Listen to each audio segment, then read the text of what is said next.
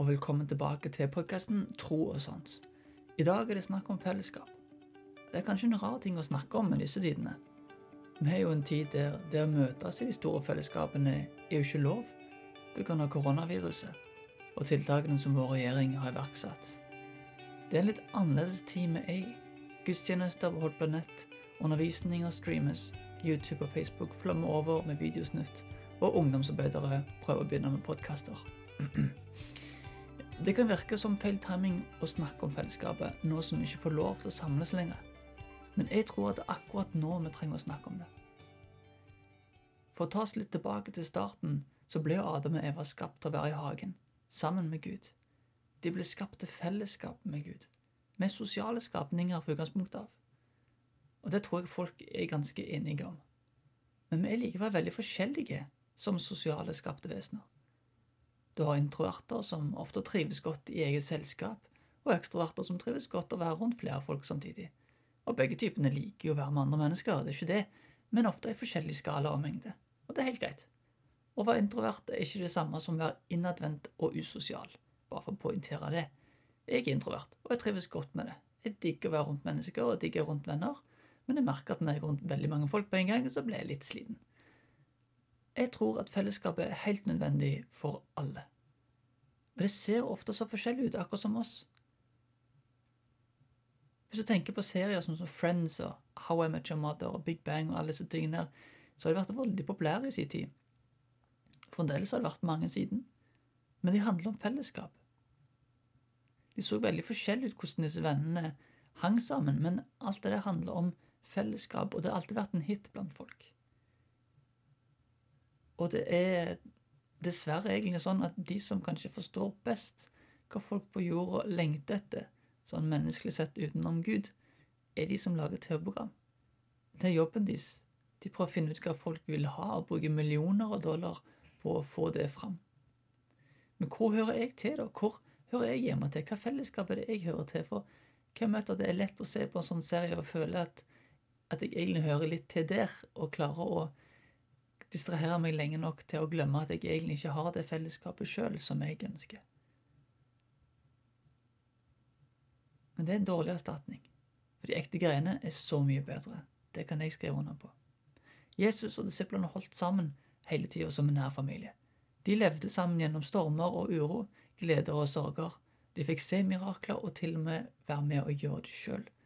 Vi som kristne er kalt til å følge Jesus, men én ting vi ofte glemmer, at vi går ikke alene med han. Det er ikke bare han og oss. Du er ikke alene. Hvis vi ser på kirka som en stor familie, som vi kan med god grunn gjøre, ettersom at Gud er far, og at vi får lov til å kalles hans barn, så er vi en gigantisk familie med millioner på millioner av familiemedlemmer som følger Jesus. Og Det er jo logisk at vi ikke har tid til å bli kjent med alle her og nå. Himmelen og annen ting, men jeg tror at en av våre større svakheter er at vi prøver å leve dette trosalene alene. Vi springer denne maratonet helt alene med en stafettpinne som er ment å gi videre og dele med andre, men vi holder den, for vi skal klare det sjøl. Vi prøver å følge Jesus og tro at vi er kalt til å gjøre dette her alene. Og vi snakker ikke så ofte om troa og om ærlig på livet med andre troende. Vi deler kanskje ikke så ofte hva vi føler og tenker, spesielt hos menn, og hva vi egentlig kjenner på i hjertet og vi foretrekker å lese Bibelen alene. Lovsangen, der har, vi, gjort en felles ting, og det er fint. Men der igjen så er det mange som ikke lover å synge alene. Vi må ikke velge enten fellesskapet eller det å gå for det alene. Du må ha et trosliv som blir uttrykt både i fellesskapet og alene. For du finner ikke en modell som det i Bibelen at alle levde sine trosliv helt alene. Det å samles var helt sentralt. Men det var i samlingen at tro ble delt. I dag opplever jeg at vi samles ofte, men det er ofte bare for å ta imot av undervisning av en lovsang, og så går vi hjem. Vi snakker ikke så mye om tro med hverandre. Disiplene ble sendt to og to, det var alltid nære fellesskap. Men jeg pleide å leve mitt trosliv helt alene. Jeg våga ikke å dele så mye om liv og sånne ting til andre, for jeg hadde ikke andre nære kristne venner. Men når de dukket opp, og jeg begynte å dele, og de inviterte meg inn i deres liv, og jeg fikk lov til å dele og få lov til å være meg, så merker jeg at det var en helt annen styrke å ta del i. Jeg trengte ikke lenger å stå alene, men jeg sto sammen med andre. Jeg fikk en tilhørighet til andre. Jeg fikk et hjem. Jeg har jo en familie, sånn, en faktisk familie her som jeg er kjempeglad i. De er fantastiske. Men vi trenger det fellesskapet som vi lever hverdagen med. La meg stille deg et spørsmål. Når noe viktig skjer i livet ditt, hvem vil du snakke med først? Når du opplever at noe er skikkelig vondt eller vanskelig eller gøy, hvem vil du åpne deg opp for? Hvem ønsker du å dele det med? I disse tidene kan vi være litt isolerte for hverandre. Men jeg tror at denne tiden er en tid der vi trenger å stå sammen. Men ikke, ikke fysisk stå sammen og holde meters avstand og forsvare deg sjøl med antibac og målestokk i tilfelle folk kommer for nært. Men fra spøk til alvor. Det er en spesiell situasjon, og vi skal følge retningslinjene som er blitt gitt. Men poenget er at vi trenger de nære relasjonene og det de bærer med seg, mer enn noen gang.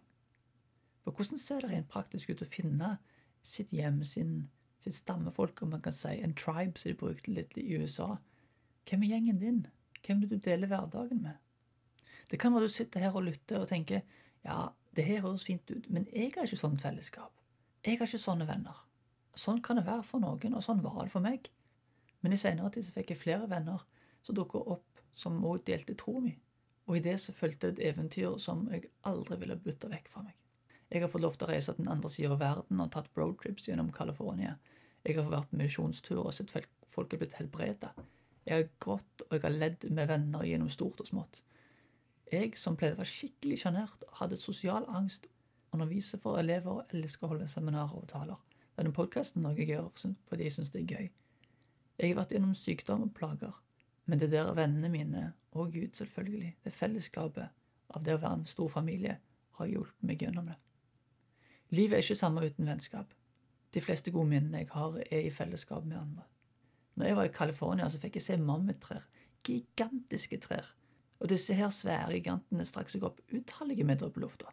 De kunne bli over 1000 år gamle og vokse seg over 100 meter høye. Det er jo sånn crazy.